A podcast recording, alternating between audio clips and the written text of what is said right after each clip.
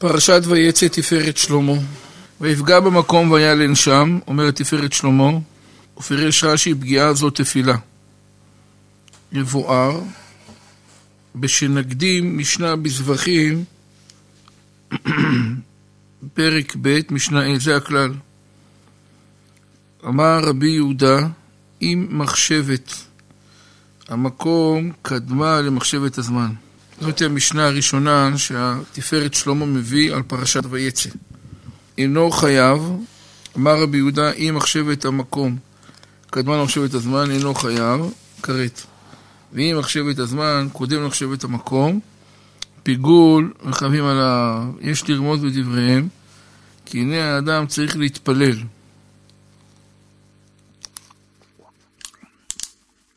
ובעומדו לפני השם, ידע כי כל צורכי חמודי תבל וענייני הזמן אינם העיקרי בכוח התפילה.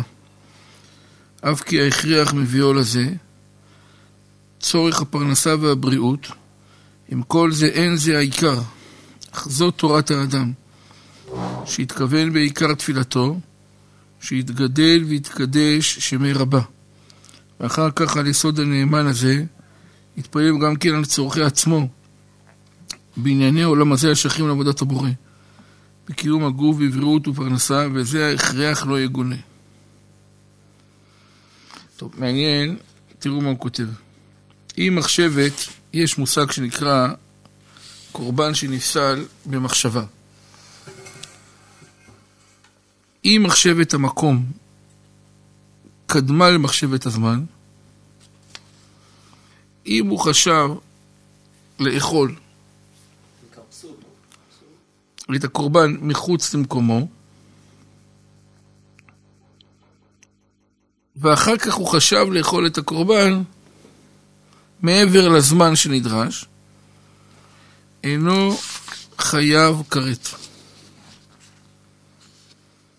באופן הזה הוא לא חייב כרת.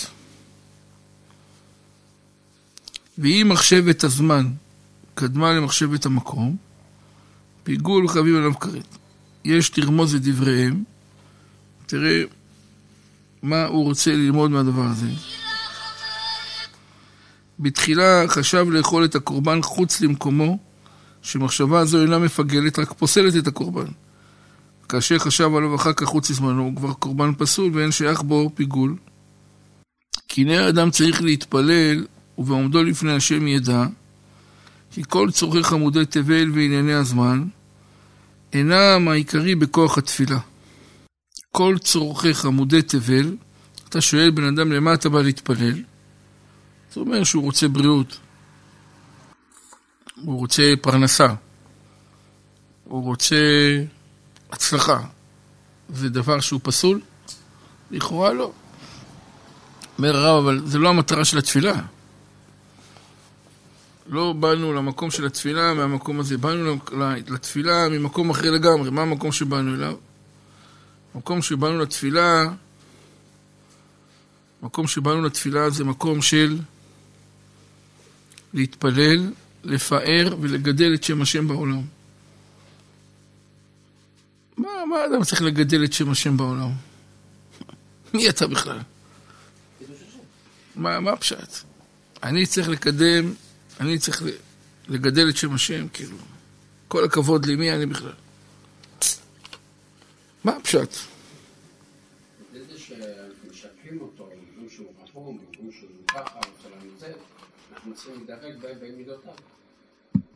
כן, מה זה לגדל את שם השם בעולם?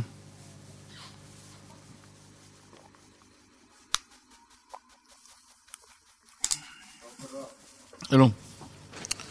זה אחד מהיסודות של התפילה. שאני רוצה לגדל את שם השם בעולם.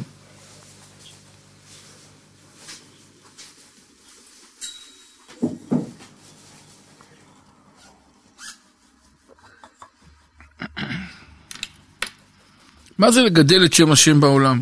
אני, אני, אני צריך לגדל את שם השם בעולם?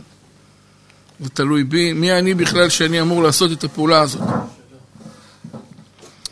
אלא מה הכוונה? יש מטרה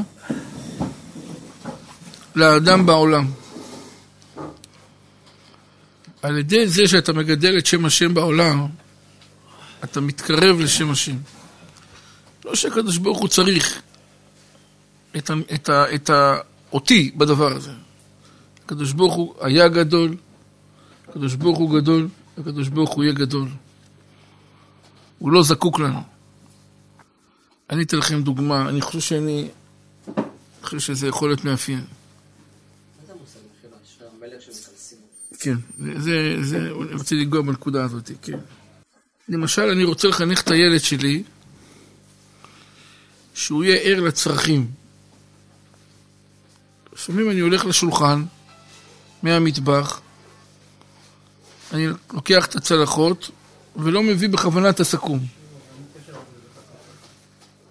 ואני אומר, אני רוצה שהילדים ישתתפו בהבאת הסכו"ם כחלק מתוך התהליך שהם מבינים שהם שייכים. אז אני לא לוקח איתי סכו"ם. ואני אומר, הם יביאו את הסכו"ם. אז הילד אומר, אני רואה, אבא לא יכול להביא את הסכו"ם, אז אנחנו צריכים להביא את הסכו"ם. לא, אבא לא, אבא, אבא, אבא כן יכול להביא את הסכו"ם. אבא לא הביא את הסכו"ם במתכוון, כי אתה צריך להביא את הסכו"ם.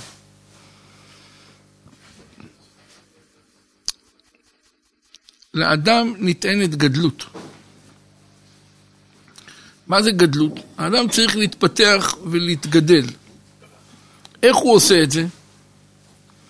איך האדם גדל ומתפתח? מזה שהוא עושה מספר פעולות שהן נצרכות לקיום המחשבתי שלו. אז זה שהאדם עכשיו בא ועושה את הפעולה של לקחת ולהביא ולעשות, הוא צריך את זה, אני יכלתי לעשות את זה, הקדוש ברוך הוא חלק מתוך התהליך שצריך לקרות לאדם הפנימי זה שאדם צריך לגדל את שם השם בעולם. זאתי המטרה. לכן כשאתה בא בתפילה, אתה אמור להיכנס לתפילה מתוך מה? גדלות? מתוך תודעה מה אתה נדרש להגיע בסוף התפילה? ואתה אמור לצאת עם הכלים האלה בסוף. לא שבאת לבקש על פרנסה, בריאות וללכת. זה לא, זאת לא המטרה. נכון שזה שתול בתוך התפילה, אבל המטרה העיקרית היא שאתה תדע שיש שם השם בעולם וצריך לגדל אותו בעולם, צריך לפרוס אותו בעולם. זה שאני נוסע עכשיו לארה"ב ואני מברך ברכת המזון במקום ורואים אותי אנשים, מה אתה מברך, מה אתה מתפלל? אני זוכר פעם ראשונה שבירכתי ברכת המזון באיזשהו מקום, אז אה, מישהו שאל אותי, לא יודע, או שאישה או שאיש שאלו אותי, איזה מדרש אתה קורא? או, סליחה, שאל אותי, איזה אגדה? אמרתי, איך הגעת להגדה? הוא, אחר כך התחלתי להבין שהוא, מה שהוא זוכר ויודע זה אגדה של פסח. אז הוא שאל אותי, איזה אגדה אתה קורא עכשיו לכאורה ולא פסח היום? אמרתי לו, זה ברכת המזון, שצריך להודות לקדוש ברוך הוא על זה שאוכלים. אמר, זה נשמע לו מאוד רעיון חכם. תבין איפה זה נמצא. אז אני מברך ברכת המזון, ומה יש בברכת המזון? אני מודה להשם, מתפלל בעניין בית המקדש, בעניין ירושלים.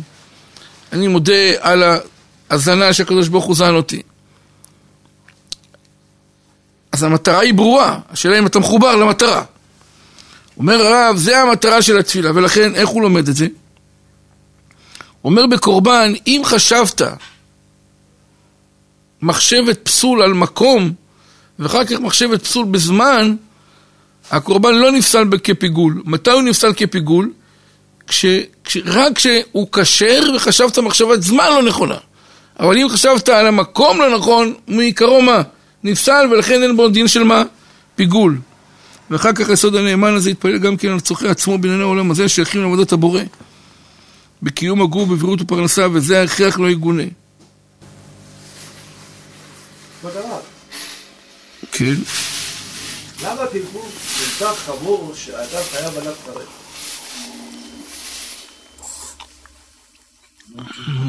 ככה הקדוש ברוך הוא קורא, זה גזירת הכתוב. פיגול הכוונה היא זה שאדם חשב, לא. לא, אתה... פיגול שאדם חשב לאכול את הקורבן מעבר לזמן המותר לאכול אותו. זה פיגול. כי זה- פסלת את הקורבן, אבל למה אתה חייב? פסלת. אתה לא מספיק העבודות שלך, הקורבן שלך עולה עשרת אלפים שקל, לא מתקבל. ואתה עוד חייב על זה כרת? כאילו אין לך חיי נצח. כן. מה בטח היה אומר שלך? על מה? אבל אני אסביר לך. קורבן נקרבת, נכון? כן. קורבן למי מקריבים? הקדוש ברוך הוא. ואם אתה לא מקריב את זה לקדוש ברוך הוא, אתה מקריב את זה למישהו אחר, מה אתה עושה? לא. מקריב את זה לעבודה זרה. זה שונה. כן, אבל למה, לא בדיוק. לא, לא. למה מי שהקריב, למה מי שהקריב את זה ל- מעבר לזמן זה עבודה זרה להשם, אבל במקום לאכול את זה יומיים, סליחה, יום ולילה, הוא, הוא, הוא רוצה לאכול את זה יומיים ולילה. איפה, איפה הבעיה? כאילו, הבעיה, הבעיה, אני מבין, נניח קורבן נפסל זה בסדר, זה מה שהוא טוען. אבל למה לחייב אותו כרת? כאילו, מה, אכלת חמץ בפסח? לפי דעתי אותו רעיון כמו שהחטא של נדב ואביב. הם הקריבו אש זרה, אש שלא ביקשו ממנו. אתה עושה משהו ש- שלא ביקשו ממך, ביקשו ממך לעשות משהו בזמן הנכון, בפרק, בצורה המסוימת הזאת. זה הכללים לעשות את ה... אבל למה, למשל, אם חשבת לאכול את זה מחוץ למקום, למה לא כרת? למה לא פיגול? למה, למה לא פיגול? לא איפה ההבדל בין מקום, לזה? גם בשתיהם יש סוג של פסול. הזמן, זהו, זה, זה מה שהוא רוצה להגיד. כן, הזמן הוא חמור מאוד. כי כן אמרו חז"ל, בוא נראה, שעה ראשונה יושב ושונה, שנייה יושב ודן, ואחר כך זן ומפרנס. זה אומר על הקדוש ברוך הוא. כן, האדם צריך לכוון השעות בהקדמת כבוד השם ברוך הוא ראשונה, כי כן ייסדו רבותינו ז"ל סדר מלכות ראשונה לזיכרונות, להקדים כבוד שמיים תחילה לשאלת צרכיו. ועל דרך, ועל דרך זה רמז רבי יהודה, אם מחשבת המקום קדמה למחשבת הזמן, היינו מחשבת המקום ברוך הוא קודם בתפילתו, או זה מה שהוא רוצה להגיד. אם מחשבת המקום קדמה למחשבת הזמן, היינו מחשבת המקום ברוך הוא קודם בתפילתו למחשבת צורכי גופו בעולם הזה, אינו חייב. ואם מחשבת הזמן קודם, פיגול הוא וחייב, וכן הרמז ויפגע במקום.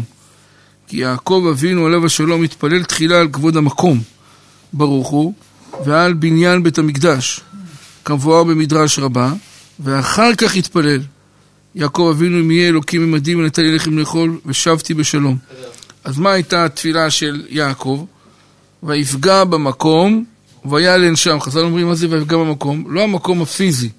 ויפגע במקום, דהיינו התפלל למקום, לקדוש ברוך הוא, על כבודה של השכינה. זאת היא המטרה העיק- העיקרית.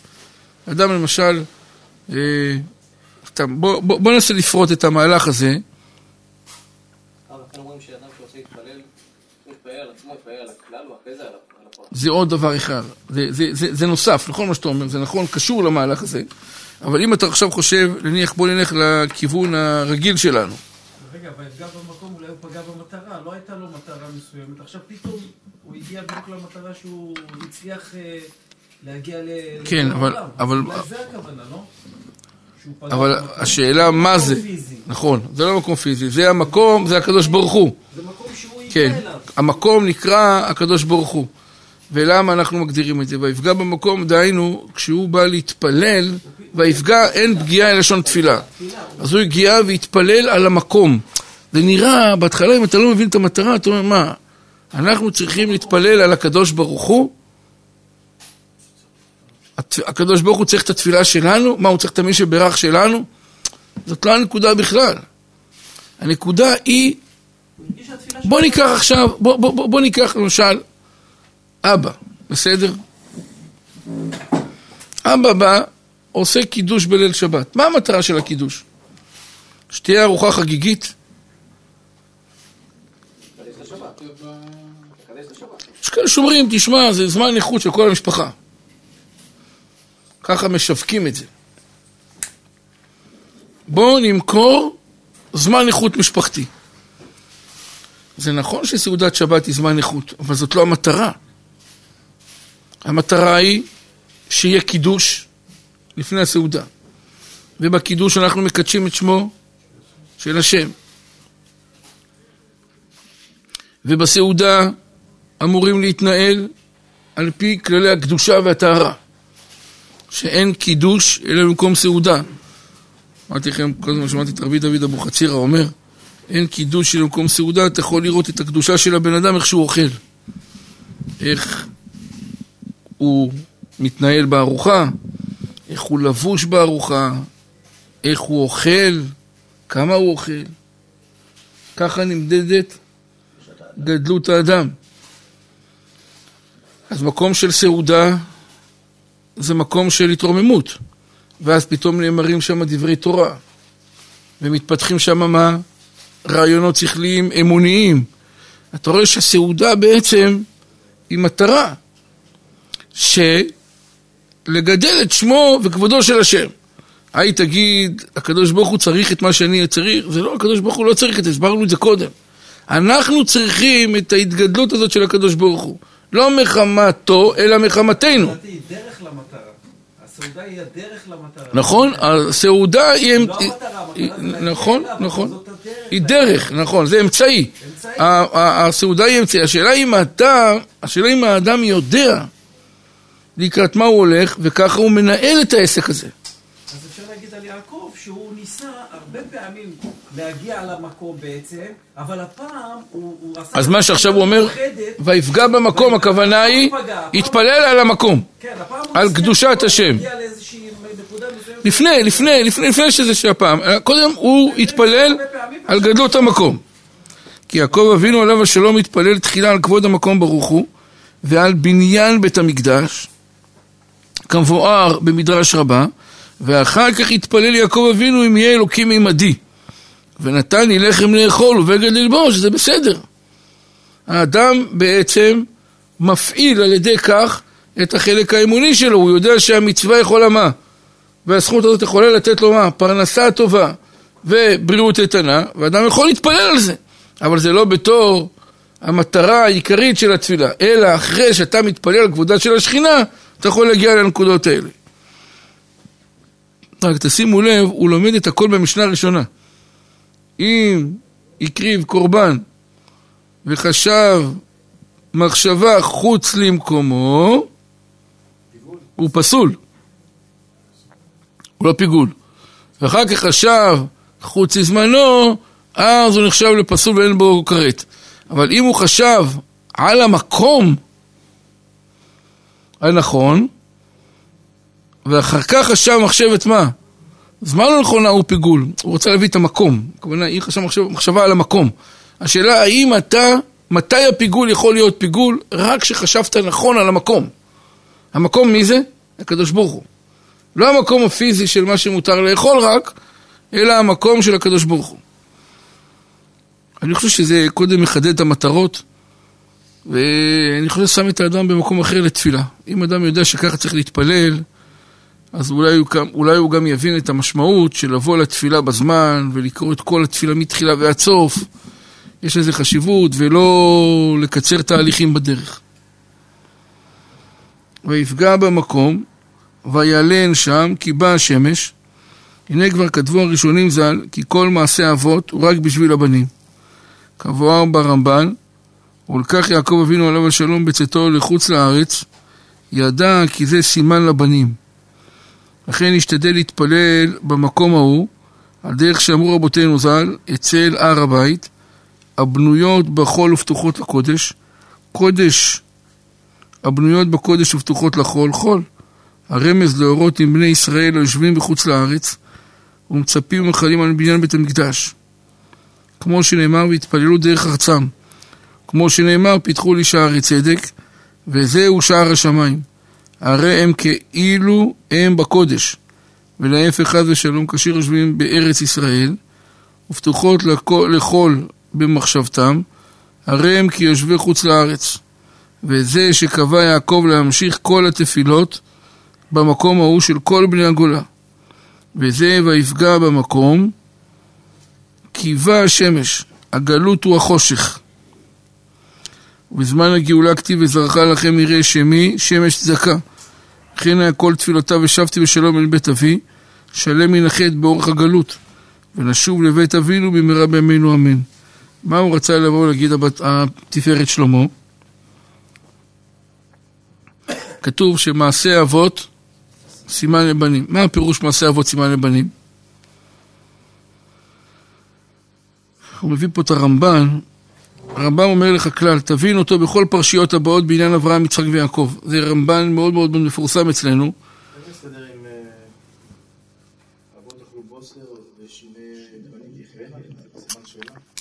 אה? זה משהו אחר. זה... אבות אכלו בוסר, שיני בנים תכרנה, זה שאלה לשאלה אחרת, אבל לא למהלך הזה. פה במהלך הזה, לכאורה זה בסדר גמור. תכף נראה מה העניין קודם. מה זה מעשה אבות סימן לבנים? האבות, תראה מה כותב הרמב"ן.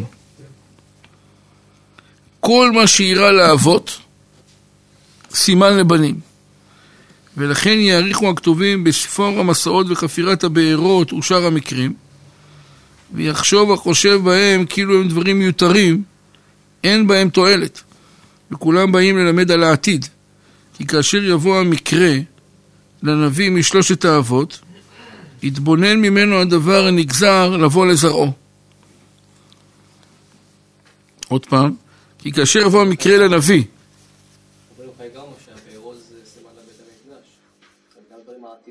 כל דבר, כל דבר שהיה מחלוקת, הבארות שהיו, הוויכוחים שהאבות עברו, המחלוקות שהם עברו, הם דבר שהיו ואמור להשתכפל מזה אירוע. עצם העמידה שלהם בניסיון הראשון סולל לנו את הדרך להצלחה בשלב הבא. זה לא, האבות לא חיו חיים פרטיים. הם חיו חיים שאם אתה מכין אותם למה שצריך, האמת היא שאתה יכול אפילו ללמוד את זה בדברים פשוטים בחיים. נכון, זה סוג של ייצור DNA, אבל אני דווקא אומר כזה דבר.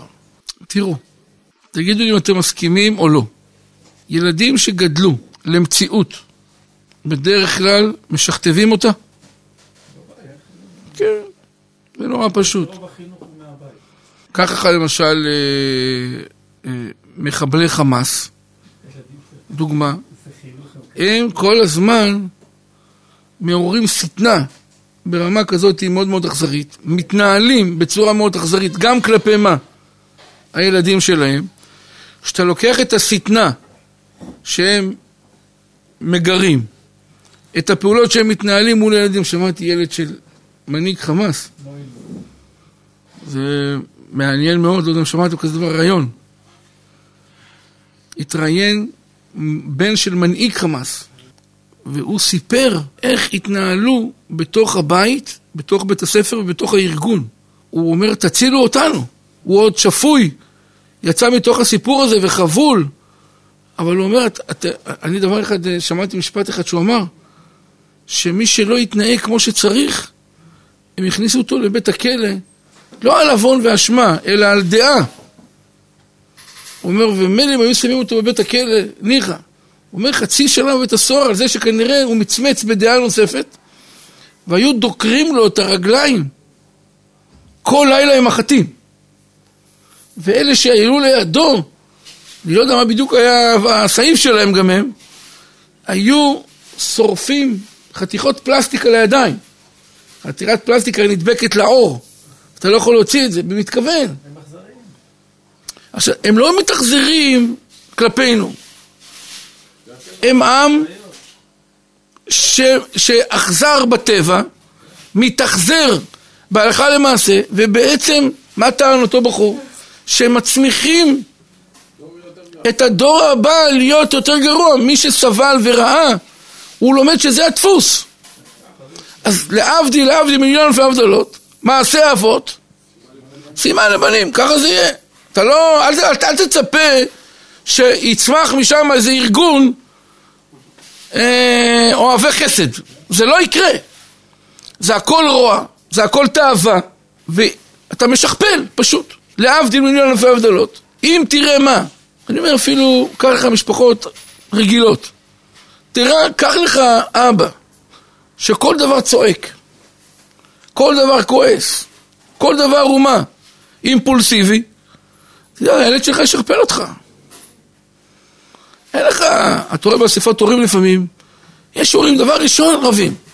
לא משנה מה, למה, כמה. במקום לחשוב ולהקשיב, אולי זה מה? זה כן יתרום. ילד רואה את הדבר הזה, הוא צומח לאותה מציאות. מעשה אבות סימן לבנים זה לא נס. זה, יח... זה, זה באיזשהו מקום מה? טבעי. אם אתה שמעת מאשתך אמירה לא נעימה, והילד שלך שמע, ואמר, תראה איך אבא מגיב בצורה מה? עדינה וסובלנית. הוא צומח על סבלנות. אין דבר בעולם שאתה עושה אותו ואתה לא מנחיל אותו קדימה. האבות, היה להם לא אירועים פרטניים, היה להם אירועים מאוד מה? מכלוליים. אז הם עברו את המכלול ובעצם יצרו לנו את השביל להתנהל באותו אופן. זה שיעקב עמד בניסיון ועוד ניסיון ועוד ניסיון ועוד ניסיון זה אומר שאנחנו בעזרת השם לעתיד גם לעבוד. זה מה שאומר הרמב"ן. ויחשוב החושב בהם כאילו הם דברים מיותרים. אין בהם תועלת וכולם באים ללמד על העתיד. כי כאשר יבוא המקרה לנביא משלושת האבות יתבונן ממנו, הדבר הנגזר לבוא לזרעו. האמת היא שחכמים לקחו את זה גם למקומות נוספים. לאיפה חכמים לקחו את זה? חכמים לקחו את זה למקומות הרבה יותר אה, מקומות... אה, הם לקחו את זה למקומות הרבה יותר רחוקים. והם טענו שהקדוש ברוך הוא העמיד את האבות בסוג ניסיונות מסוים בגלל שגם אנחנו הולכים לעבור את אותו דבר והוא נתן לאבות קודם מה לעשות? לעבור כדי שאנחנו נעבור ורק אחרי לנו כבר מה? דרך סלולה. ולכן אומר הרב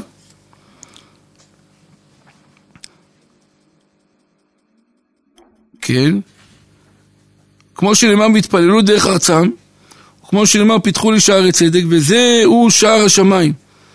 הרי הם כאילו הם בקודש ולפי חס ושלום כאשר יושבים בארץ ישראל ופתוחות לכל במחשבתם הרי הם כיושבי חוץ לארץ וזה שקבע יעקב להמשיך כל התפילות במקום ההוא של כל בני הגולה. וזה ויפגע במקום קיבה השמש. מה זה השמש? שמש הגאולה. אמר יעקב אני עכשיו פוגע במקום כי ממנו תצמח השלב הבא של הגאולה. וישכב במקום ההוא פירש רש"י באותו מקום שכב. אבל 14 שנה כך רש"י לומד נכון? על פרשה. ששימש בבית עבר לא שכב בלילה שעסק בלילה מדוע? שעסק בתורה הנה יש לשום לב בטעם על מיעוט השינה של הצדיקים בלילה כמו שנאמר ותדעת שינתי מעיניי וכן מצינו אצל דוד המלך עליו השלום שלא עבר עליו חצות לילה בשינה. יש רמב"ם מאוד מפורסם ומאוד קשה להבין אותו. מצד אחד הרמב"ם כותב שראוי לידם כמה לישון בין שש לשמונה, אני לא יודע איפה הרמב"ם רוצה לשים את השש בין שמונה. הרמב"ם אומר שמי שישן לילה אחד ופספס לילה, אז הוא מפספס גדלות בתורה. ולפי הרמב"ם, לא כדאי לישון אפילו לילה אחד מכל הלילות.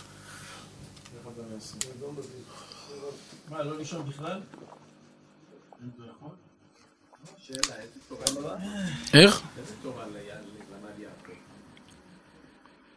תורה? אתה שואל אם היה לו ספרים?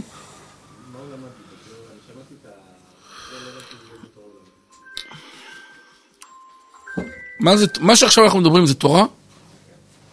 יעקב יכל לדבר על זה גם? על אבותיו, על מעשה אבות סימן לבנים, על כל התהליך הוא יכל לדבר? רק מה, מה היה חסר לו? ספר. אבל את המהות הוא ידע קודם. תורה זה נצח. זה שהוא כתוב בספר, זה בגלל שאנחנו לא יודעים להגיע לבד, אבל מישהו בגדלות, הוא יודע לדבר על זה גם בלי ספר. אני לא אמרתי לך ששינה לא צורך. אני לא יודע, יש לך קושייה על הרמב"ם, נכון?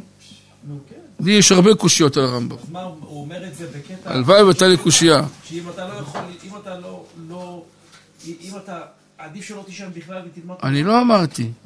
הוא אמר צריך לישון בין 6 ל-8 שעות ביום.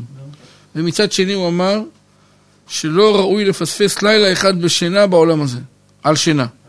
אז אני לא יודע, יש לך, יש לך קושייה, נכון על הרמב"ם? תישן ביום, תלמד בלילה. אני מציע שתישן בין הבוקר לצהריים. בין הבוקר לצהריים, מתי זה? ללכת לעבודה. אני לא יודע. אז מה אתה רוצה? אתה רוצה בלילה לישון, בבוקר לעבוד, ובצהריים גם לעבוד, לא. ובערב אתה רוצה מה? לעשות קניות, ואחר כך בלילה לישון, בסוף מה יהיה? מתי תצמח? אתה קובע זמנים, אתה לומד. אה, לא, בסדר, אבל זה לא, אתה יודע שאנחנו לא בתקן הגבוה. התקן הגבוה אומר שכך אומר הרמב"ם. לא ראוי לפספס אפילו לילה אחד ולבטל בו תורה, כי האדם כנראה לא יוכל לצמוח למקומות שהוא צריך להגיע אליהם. טוב, בואו נראה. אולי לילה הוא מתכוון, אחרי חצות. נכון. כאילו. ככה זה מה שחז"ל חז"ל מביאים את זה על דוד המלך. שדוד היה נוהג מה? קם בחצות לילה. כלומר, לא עבר עליו חצות לילה בשינה. וכמה קודם הוא ישן? שני הצוס. יש כאלה שאומרים שזה כמה דקות, יש כאלה שאומרים עד, עד חצי שעה. זאת הדרגה שדוד הגיע אליה. טוב, אבל בואו נראה. אומר הרב, הנה יש לשום לב בטעם על מיעוט השינה של הצדיקים בלילה. כמו שנאמר ותדעת שנתי מעיניי, וכן מצינו אצל דוד המלך, שלא עבר עליו חצות לילה בשינה. וכמו כן, בכל הצדיקים, אך הנה כבר נודע כי בלילה הוא זמן שליטת החיצונים. והסיטרא אחרא מתגבר בעולם, רחמנא ליצלן. לכן, על ידי שהצדיקים עוסקים בתורה בלילה, על ידי כך מפילים כוח הסיטרא אחרא ומכניעים אותם. נבהל יהיה להם שליטה לסטרא אחרא לטמא בני אדם חלילה. שמעתם? תפארת שלמה אומר, מה המיוחד בלימוד תורה שבלילה? למה הלימוד תורה שבלילה יותר חשוב מאשר הלימוד תורה רגיל? אז הוא אומר שבלילה יש שליטה של החיצונים, והם יורדים וכמה שיותר חפצים לטמא, והלימוד תורה שקורה מלמטה הוא בעצם מה? מונע את התהליך. וזה שאמר הכתוב, חשתי ולא התמהמתי לשמור מצוותיך, חבלי רשעים הבידוני תורתך לא שכחתי. חצות לילה קום להודות לך ומשפטי צדקך. חבר אני לכל אשר יראוך. אומר רב שמיכת הפסוקים האלו, זה לזה הוא כנ"ל. באשר כי דוד המלך עליו השלום, הוא היה בחינת המלכות. וכל עבודתו היה להקם היה להקם אותה.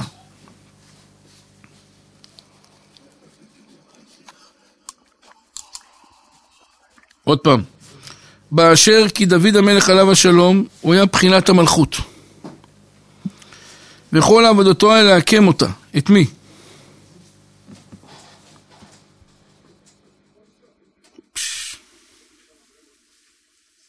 מה זה מלכות?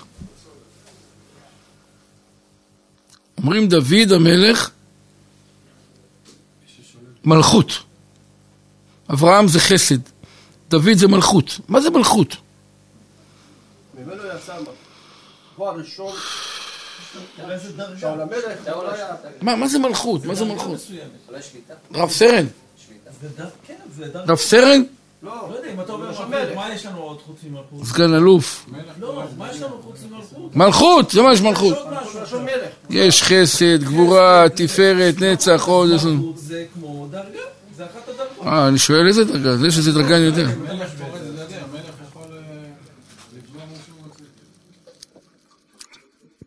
אז דוד היה עבדי, אתה אומר. מה שהוא רוצה עושה. יש אז מה זה? מה? מה זה דוד המלך? דוד היה מלך? מה זה דוד המלך? מה קשור המלך ללמוד בלילה? ואם הוא לא המלך, הוא לא יכול ללמוד בלילה. הוא יכל לשלוט על עצמו, הוא יכל לשלוט על אה, הכל. אז מה, בגלל שדוד היה עוצמתי וחזק, אז הוא למד בלילה? לא, אז היה לו יכולת להתגבר ו- ו- וללמוד בלילה. תראה מה הבעיה של הבן אדם. זה לשלוט על היצרים שלו. ואם יש לך את ה... אני שומע מה שאתה אומר. יש למישהו תשובה נוספת? אולי יצחק תמסות רוצה ל... שאלתי, מה זה דוד המלך שהוא היה מלך, בעל דרגת המלכות? מה זה מלכות?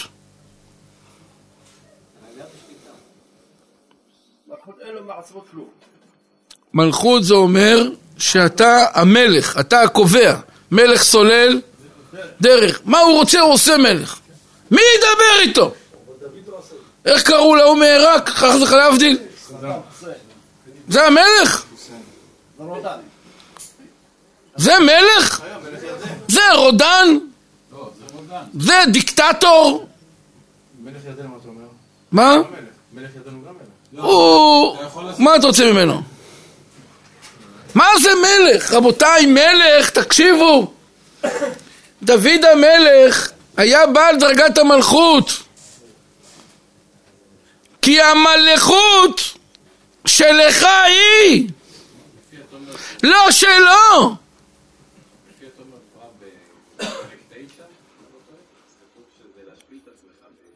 איך תשפיל את עצמך? איך? לא, אתם אומרים דברים נכונים, אבל אני לא מוצא את הרתכת שיודעת לרתך אותם. איך תשפיל את עצמך קשור למלך? אני, זה נכון, זה נכון. תהיה איש חסד, זה גם מלכות. תהיה תפארת, זה גם מלכות. מה זה מלכות? זה נכון, אתם אומרים דברים נכונים, אבל איך אנחנו קושרים אותם? אז תשמעו מה שהוא אומר. אומר הרב, המלכות היא שייכת למי? לקדוש ברוך הוא. מה זה מלכות שייכת לקדוש ברוך הוא? אני תמיד נותן לכם דוגמה, תנסו להיזכר בה, ולדעתי היא מודל פותח דרך. נתתי לכם דוגמה של בסיס, שראיתי את זה פשוט. הגיע מפקד בסיס, שהוא בא בגישה מסוימת, חברותית ברמה גבוהה מאוד.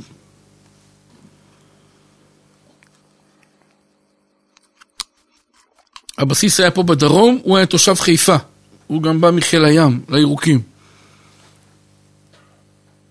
התפקידים בצבא, באחד מהשלבים, עברו למכרז. נפתח תפקיד סגן אלוף, מתמודד, לא משנה מאיזה חיל, אתה יכול לעשות ניודים, סלקום אורנג', אתה יכול לבוא מחיל האוויר לזה, אתה, אין, אין בעיה לבוא. הוא בא מחיל הים, קיבל את הבסיס. בא, אסף את כל החבר'ה, אמר להם, חבר'ה, מה העניינים? לא רוצה שתרגישו לא טוב. אני בעד תחושה מה? טובה לכולם, אבל תעשו את העבודה כמו שצריך. היה בא ב-10-11 מחיפה, יוצא באיזה אולי 7, 8. היה פה נוחת פה ב-10 וחצי, 11. אנשי קבע החיילים הבינו את ה... את הלו"ז החדש ש... שהגיע. אנשים היו באים בתשע, תשע וחצי, באים לפניו שעתיים. חיילים, אני לא אשכח, זה, זה, ככה נזכר לי. עם איזה נעליים באו? פומה. מכירים נעלי פומה? זה בא עם נעלי פומה, זה חולצה בחוץ, זה בכלל בלי חולצה, רק עם טריקו. היה נראה כזה קטנת תום וג'ים. זה נכנסו חופשי. איך? בגלל זה נכנסו חופשי מהגדרות. משמיים נפלה הביקורת לבסיס שלו. זה ביקורת, זה נקרא ביקורת בום, או ביקורת פתע מטכ"לית, שקורית אחת לשלושים שנה, אם בכלל קורה לבסיס כזה דבר. הודיעו לאנשים שמבקרים את המקום להיות בשעה שש בבוקר בבית קמה, אוטובוס נוסע, יש מפקד לאוטובוס, הוא לא אומר למבקרים לאן הם מבקרים כדי שהם לא יודיעו. עשר דקות לפני שהם נכנסים כבר יודעים לאן פחות או יותר הם נכנסים. שבע וחצי נחתו פה וגמרו על הבסיס. ביקורת בשער, זה בכלל, זה חולצה, זה מלא פומה, האיש קבע לא, נכנסו לתוך השלישות, נשקיות, אפסנאות, מצאו תוהו ובוהו. ביקורת סוף יום, מפקד הביקורת אמר תקשיב טוב, המצב הוא גרוע וקטסטרופה, אני מעביר את הדוח, יטפלו בך בהמשך. לא עברו ימים, הוא כבר עבר לוועדת הדחה. נתנו לו חודשיים לסיים תפקיד והוא הלך. הביאו אחר, היה כל מלך חדש על מצרים, אשר לא ידע את יוסף. ההוא, במקום שבע וחצי, התחיל לבוא בשבע. חכה איזה חצי שעה בש"ג, אוי לו ואוי לנפשו, מי שלא נכנס. אבל, תוך חודשיים, הבסיס התיישר. כולם חולצות בפנים, צוחצחים, הכביש שטוף, ורחובות נקיים מכל טוב. הבסיס התחיל להתעשר. למה אני מספר את הסיפור הזה? הוא מחזיק אותנו לסיפור. הבסיס נראה, במקרה, המצב השני, עם מלך, במצב הראשון הוא נראה מה? בלי מלך. זה ההבדל, יש מלך, אין מלך. זה לא הנקודה שעכשיו אתה אומר, תשמע, אני רואה את מלכות, את המלכות ב, ב, בהשגה, בטלסקופים. את המלך לא צריך לראות בטלסקופ. את המלך צריך לראות מה? בפועל. אם יש סדר והכל מתנהל כמו שצריך, אז יש מלך. אם יש אי סדר, כנראה שהמלכות לא ניכרת. התחיל כל העסק לסגת אחורה בתקופת דוד. בא דוד, המלך, הקים את המלכות של מי? של הקדוש ברוך הוא. הוא הכיר לעם את המלכות של השם. זה מלכות. אז סולל את הדרך, לא סולל את הדרך, זה נפקא מינה טכנית, איך הוא צריך למלוך נכון או לא נכון. אבל המהות האמיתית היא של מלך שמה הוא? ממליך את הקדוש ברוך הוא, האם יש לך יכולת להמליך? מה שהוא אומר, כי דוד המלך עליו השלום הוא בחינת המלכות וכל עבודתו היה להקם אותה. הוא כותב פה בביאורים, מה זה להקים את המלכות? תראו מה הוא כותב. עבודת דוד המלך הייתה להקים את המלכות שנפלה במיעוט הירח ובחטא אדם הראשון.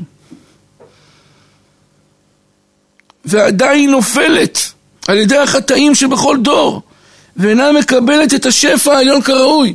ככל שיש מה? ככל שיש מה? חטאים יותר, אז פחות ניכרת מה? מלכות השם. זה משוואה מה?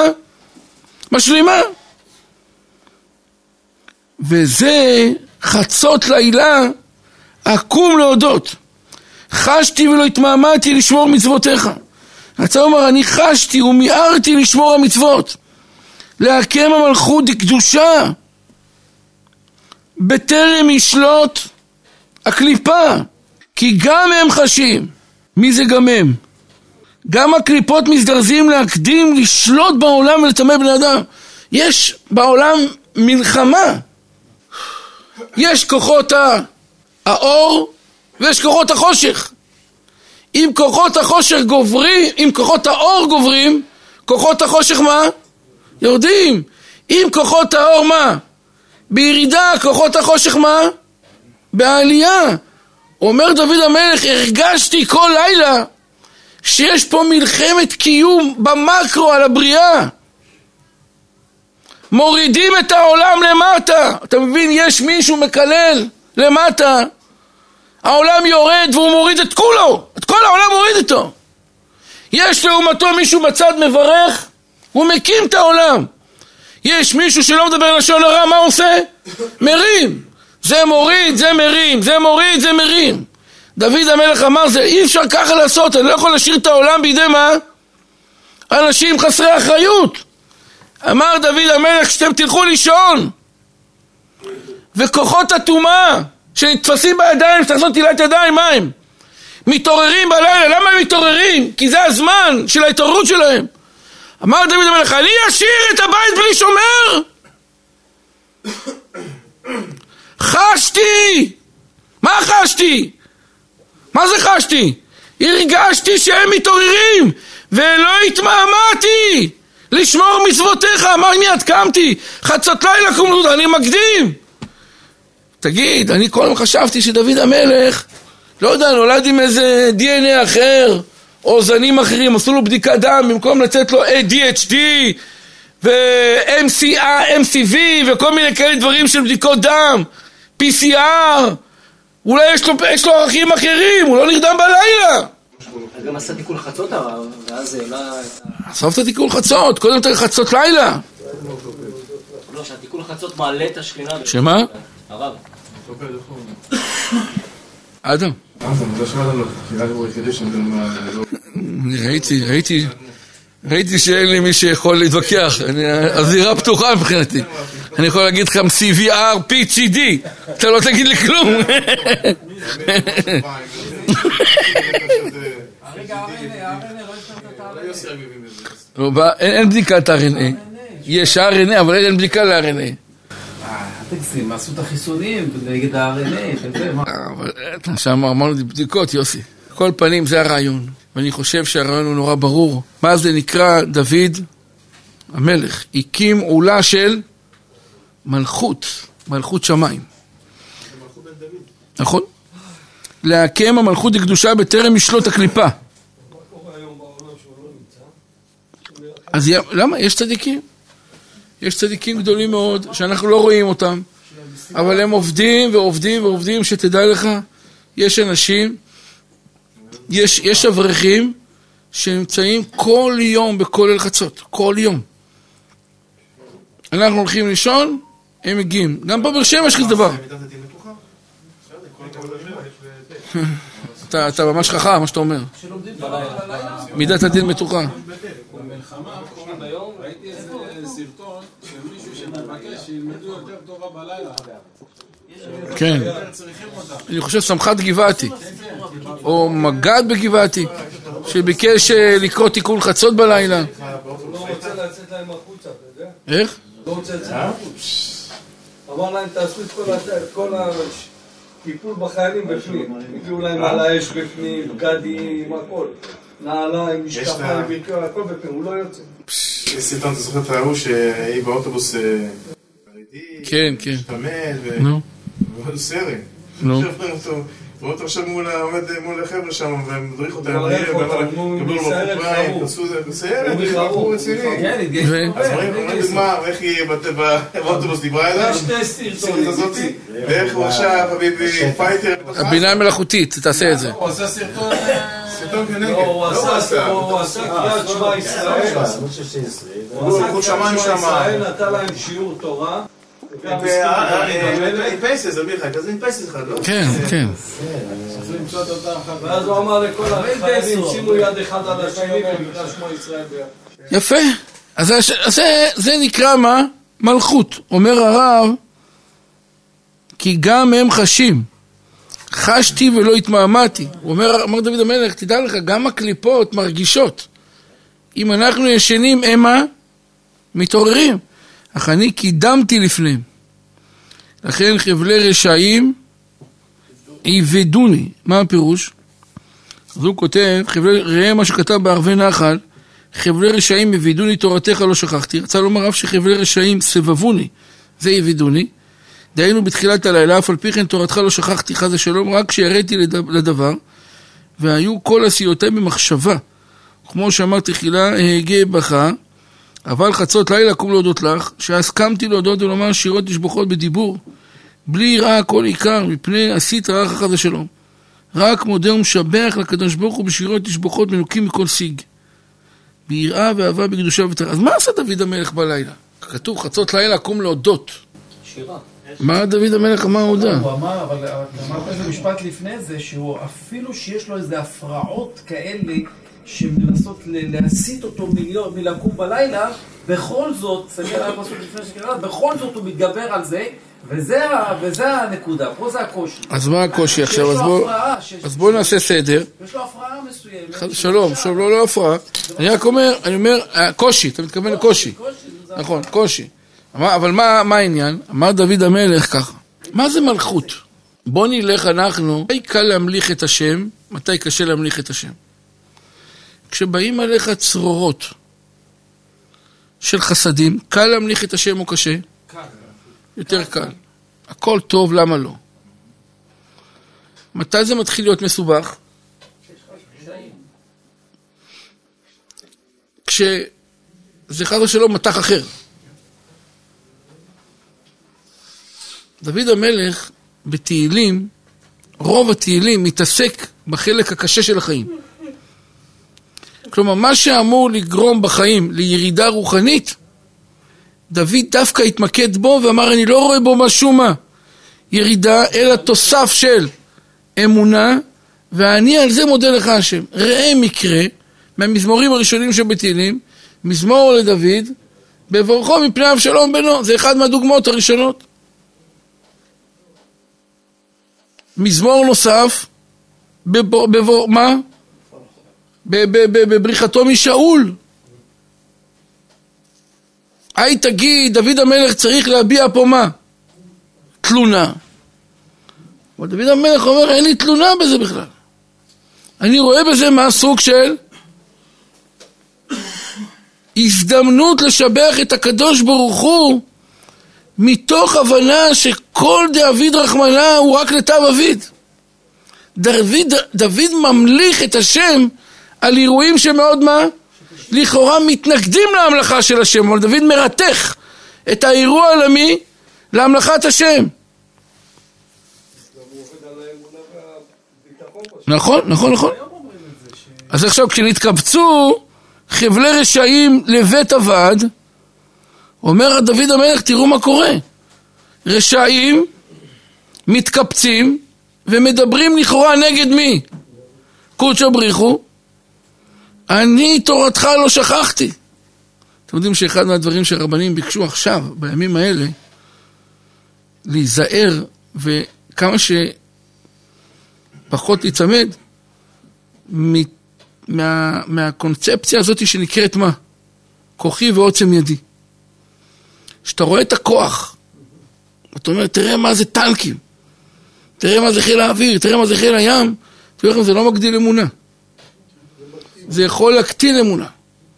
כי אתה במקום לבטוח בקדוש ברוך הוא, אתה שם את כובד המשקל על מי?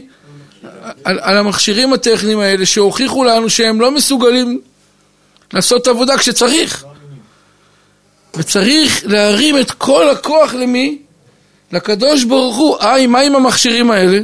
הם, הם בסך הכל אמצעי שהקדוש ברוך הוא מה? שולט, אבל זה לא שאנחנו שולטים על המכשירים ויוצרים את הכוח. מי שייצור את הכוח זה מי זה? הקדוש ברוך הוא. דרך אגב, תדעו לכם, זו תובנה מאוד מאוד חזקה שצריך להתחיל להפנים אותה ולפמפם אותה בעדינות, כן? לא לעשות את זה בצורה, לעורר הרבה משאבי אש, אבל צריך להבין שאם השם לא ישמור עיר, שב שקת שומע, עם כל הכבוד לכל האמצעים והטכנולוגיות למיניהם, הם לא אלו שעמדו לנו, והראיה היא שמה שקרה, קרה. ואנחנו אפילו לא מבינים, ואני אומר לכם, אני לא יודע אם זה טוב או לא טוב, אבל עובדתית, אנחנו לא מבינים מה שקרה. ואני חושב שזה אולי טוב שאנחנו לא מבינים. כי אני חושב שמוח של בן אדם נורמטיבי לא מסוגל להגיע את מה שקרה. אין לנו יכולות. אלא אם כן אתה רוצה לשרוד את הנפש. כשאתה נכנס פנימה, אתה, אתה, אתה יורה בעצמך. בן אדם ששומע את הסיפורים הלכה למעשה, יוצא מזה, דרך אגב, זה הפירוש המונח, המונח המקצועי שנקרא טראומה. טראומה מבחינה, מבחינה מעשית, מה זה נקרא? פצע. אחד הדברים הכי מסוכנים לפצע, אל תגרד אותו, אל תפעיר אותו. למה אתה פותח פתחים של פצעים? מי צריך לפתוח את זה? היי תגיד, זה טוב שאני אדע, מה טוב? יש דברים שאתה לא יכול להכיל אותם, מה תעשה עם זה? מה, תראה את. מה הבן אדם הזה עשה, המוח שלך יגיע לעומק הזה, אנחנו לא מסוגלים. הם, אותם אנשים שחינכו את עצמם לתוך הדבר הזה, עבדו על זה שנים להיות כאלה מה? אכזרים. אני צריך להבין ולהכיל דבר שאני לא צריך להכיל אותו? למה? מה הטענה הזאת? מי, מי אמר שאני צריך לדעת הכל? יש דברים שעדיף לי מה? לא לדעת. מה, אם בן אדם עכשיו כל יום יראה חס ושלום מה? מעשה זוועה, הוא חושב שהוא יהיה יותר מזה יותר חזק? הנפש שלו תיגמר. מישהו אמר לי שאחד מהאנשים שחזר למלחמה כבר שלוש פעמים ניסה להתאבד אחרי שראה את כל הדברים האלה. ואנשים בריאים, אנשים טובים. לא, הנפש לא מצליחה מה לעשות? להכין, נכנסת להתקפות כאלה ואחרות. מי צריך את זה? אבל יש איזה מישהו מאחד ההתנחלויות, שגיא מכיר אותו באופן אישי, ממש התאבל עליו. הוא נכנס ונכנס ויוצא, נכנס ויוצא, יוצא אנשים. הוא ראה זוועות, הוא לא עמד בזה, התאבל. אני שמעתי היום סיפור. התאבל ב- באחד ההתנחלויות. הוא לא יכל לעמוד בזה. נכון, נכון, נכון. נכנס, יוצא, נכנס, יוצא. אנשים חושבים שהנפש של הבן אדם, יהיה איזה ספוג כזה שיודע לספוג ורק לספוג. גם לדבר הזה, שמע, דדם, לה- נכון, אם תראה מה זה כוחות, כוחות של רשע מוחלט, צומחים, כמה קדושה אתה צריך, מה? בהתאם, דוד המלך אמר, אני לא אתן לאף אחד להוריד את דרגת המלכות של מי? של הקדוש ברוך הוא, ולכן בתמורה מחצות לילה צפונה הוא היה מודה לקדוש ברוך הוא על אירועים שלכאורה מה? קשה לזהות את מלכות השם ודוד חיפש, מצא והודה כדי מה לעשות? ליצור כוח נגדי למה? למלכות אומר הרב שלא עבר עלי חצות לילה בשינה למה לא יהיה להם כוח להתגבר בעולם? החבר אני לכל אשר יראוך אני מחבר את עצמי עם היראים והצדיקים בקדושה. על ידי כך נתפרדת כוחות הטומאה. וזהו קרבו רודפי זימה. כאשר נתקרבו הרשעים הנה מתורתך רחקו על ידי לימודי, לימודיי הם מתרחקים. דוד המלך מרחיק אותם. וכן אמר המגיד לבית יוסף ז"ל. אתם יודעים איזה המגיד? היום היינו אצל הבית יוסף בצפת היה מגיד שהגיע לבית יוסף כל יום, נכון? ראיתי שכתוב שם על ה... ליד המצבה שהמגיד, אני חושב שהיה מגיע גם לרבי שלמה אלקבץ. אם אני לא טועה, ככה ראיתי שרשום שם. או לרמק הרי הם היו באותו מתחם. הבית יוסף, הרמק, רבי שלמה אלקבץ ואריזל היה כתוב שם עוד משפט אחד שלא שמתי לב. הרי אריזה בן כמה נפטר? 37 וכתוב שם בעבור שנאת חינם שהייתה באותו, באותו, באותו, באותו דור שלו. מריבה, מריבות, תראו מה גרם. האריזה נפגע, אבל מה, גם אם הוא ראה את הסתה, למה הוא נפגע? למה, מה, מה הצד, אני עדיין לא הבנתי את הסיפור. מה הצד של, של האריזה בתוך הדבר אנשים רבו, אבל מה, למה אריזה צריך לשלם את המחיר? אלה שרבו לא שילמו, הוא שילם. שמה? אלה שרבו כנראה לא שילמו את המחיר. לא. זה לא כל כך פשוט להבין. אני לא יודע. תראה מה אומר, וכן אמר המגיד לבית יוסף, אילו היית יודע, איפה הוא כותב את זה? הוא כותב את זה במגיד משרים באזהרות, אילו היית יודע כמה וכמה עולמות שנופלים על ידי הפסק לימודך, לא היית ישן כלל. אם לא- אם אתה לא לומד, אז יודע כמה עולמות נחרדים, אז אתה לא תישן בכלל. הוא לא אמר כשאתה לא לומד, כשאתה עושה הפסקה מהלימוד. אתה רק עוצר לדבר וחוזר, לא, אילו היית יודע? כמה וכמה עולמות שנופלים על ידי הפסק לימודך, לא היית ישן כלל. וזה שאמרו חז"ל, דוד המלך עליו השלום לא היה ישן. כי הוא ראה את זה. וכן יעקב אבינו עליו השלום אמר, זה לי עשרים שנה בביתך, כלומר, ארבע עשרה שנה דוד לא יש... אה, יעקב לא ישן, שהיה בש... בבית מדרשו של שמה, שם ועבר, עשרים שנה הוא הגיע ללבן, והוא אומר ככה, זה לי עשרים שנה בביתך. איזה בית? של מי? של לבן. בית של לבן היה מקום הקליפה והטומאה החזקה. הוצרכתי לעבוד בכל כוחי לבטל אותה. לא הבנתי למה דוד, למה יעקב לא הלך לישון. אתם הבנתם? מה, הוא רצה לקבל שעות נוספות? מה? במי? בציר הרשע של הטומאה של בית לבן. ביתו של לבן היה מפעל לייצור טומאה. אמר. אמר יעקב, אם אני אישן, מי יבטל את כל כוחות הטומאה? ולכן יעקב החליט להישאר ער כדי להתמודד עם כוחות הטומאה שהבית של לבן ייצר. כשהוא ראה את זה מקרוב. הוצרכתי לעבוד בכל כוחי לבטל אותה, לכן ותדעת שנתי מעיניי.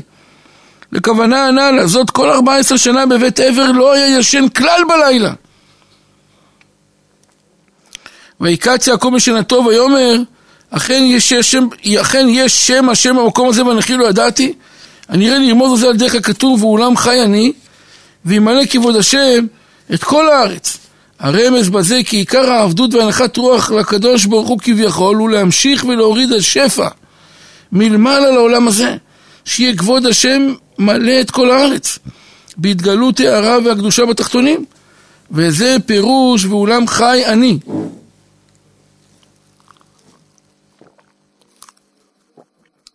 וכמו שאמרו חז"ל, אתם פיתחו לי פתח כחודו של מחט, ואני אפתח לכם כפתחו של אולם.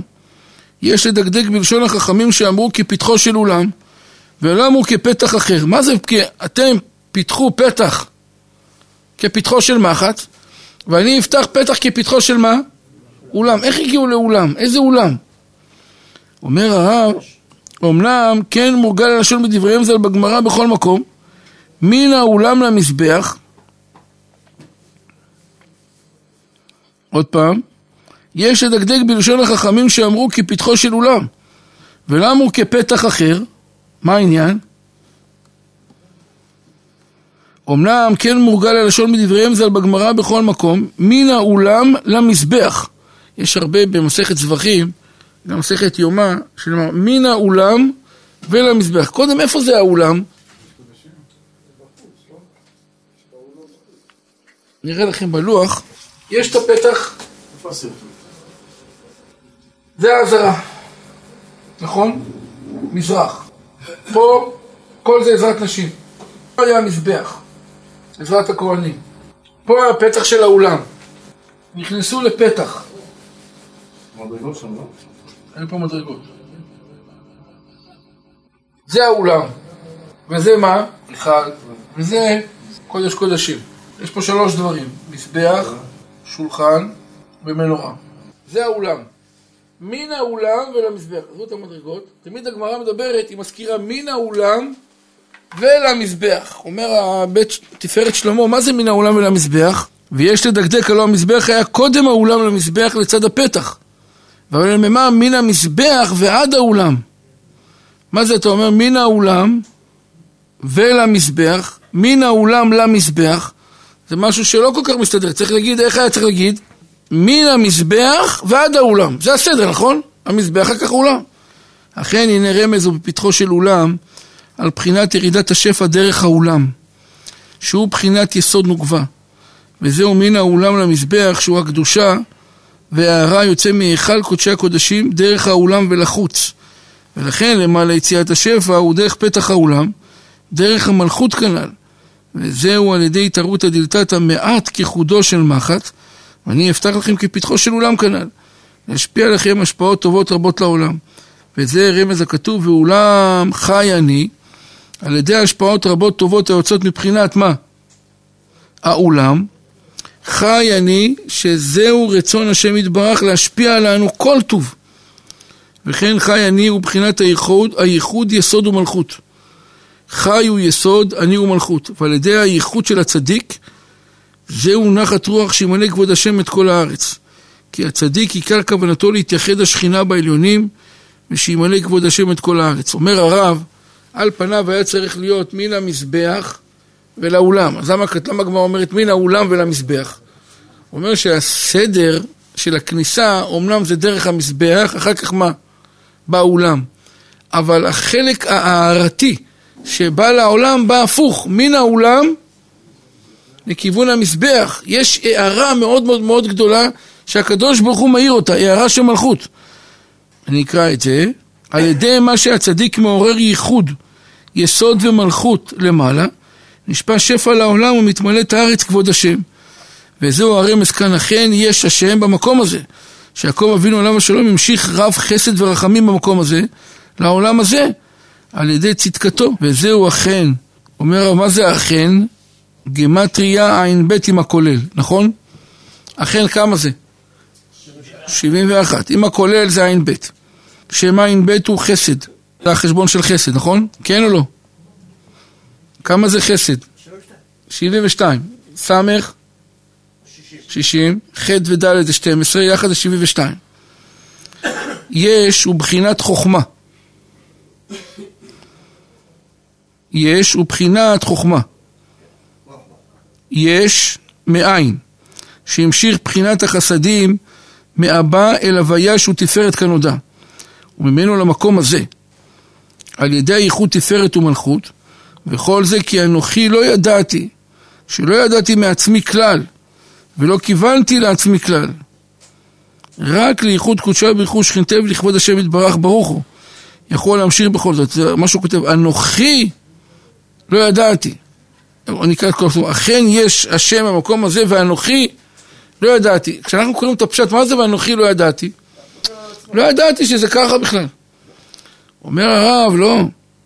יש השם במקום הזה, אני מרגיש שבמקום הזה אני מצליח להשפיע מה?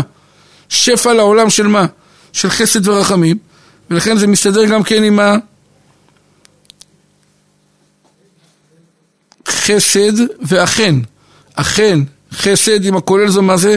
אותו דבר. ואנוכי לעצמי לא הורדתי כלום.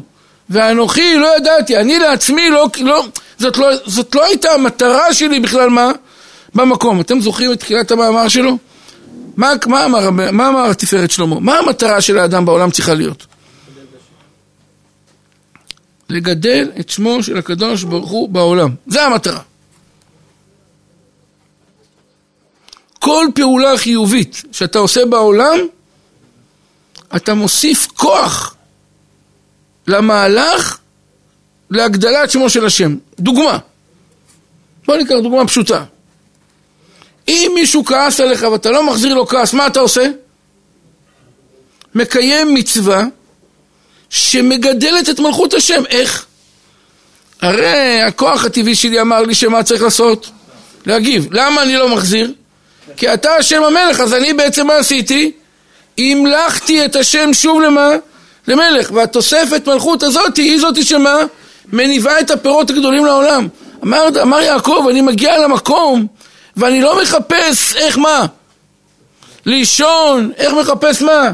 את העצמה העצמית שלי, אני מחפש איך להגדיל את שמו של הקדוש ברוך הוא, ואנוכי לא ידעתי, לעצמי לא ידעתי כלום.